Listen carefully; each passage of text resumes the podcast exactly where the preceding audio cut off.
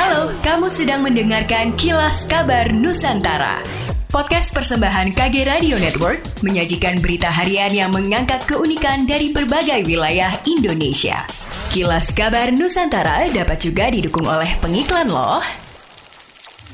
Gubernur Jawa Timur Kofifa Indar Parawansa meminta semua pihak meningkatkan kewaspadaan terhadap bahaya konsumsi jajanan ice smoke atau ciki ngebul yang banyak diperjualbelikan utamanya di kalangan anak-anak. Gubernur menyampaikan bahwa himbauan ini dikeluarkan untuk mencegah kasus keracunan pangan yang lebih parah akibat konsumsi nitrogen cair yang berlebihan terutama karena efek jangka panjang. Kofifa juga mengharuskan restoran yang menggunakan nitrogen cair pada produk pangan siap saji untuk memberikan informasi cara mengkonsumsi yang aman kepada konsumen. Disampaikan selain restoran, gerai pangan dan jajanan keliling untuk saat ini tidak direkomendasikan menggunakan nitrogen cair pada produk pangan siap saji yang dijual. Pemerintah Kota Makassar menargetkan nilai investasi di tahun 2023 naik menjadi 5 triliun rupiah lebih. Kepala Dinas Penanaman Modal dan Pelayanan Terpadu Satu Pintu DPM PTSP Kota Makassar, Andi Sulkifli Nanda mengatakan angka itu naik dibanding 2022 lalu yang hanya 4 triliun. Dia mengungkapkan jika salah satu mega proyek yakni Caparate telah terlaksana diprediksi dapat meningkatkan nilai investasi sebesar 5 triliun lebih. Zulkifli mengakui untuk mewujudkan hal itu diperlukan banyak persyaratan yang harus dipenuhi mulai dari peraturan daerah, perda insentif penanaman modal hingga koordinasi ke Kementerian Investasi RI. Selain proyek Japarate yang dapat menghasilkan 5 triliun rupiah, proyek lain yang ditargetkan menambah nilai investasi di Kota Makassar seperti pengolahan sampah menjadi energi listrik PSL yang dapat menambah investasi sebesar 2 miliar.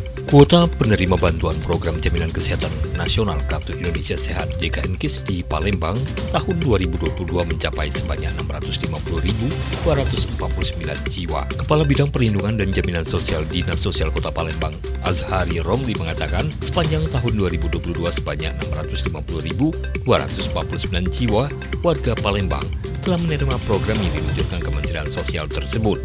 Penerima bantuan program JKN KIS pada kuota Palembang tahun 2022 cukup banyak. Bahkan dalam satu bulan ada yang menerima mencapai 76 ribu orang. Namun pada Januari 2023 ini baru dua orang penerima. Pada tahun 2022 data penerima program JKN KIS per bulan 76 ribu jiwa.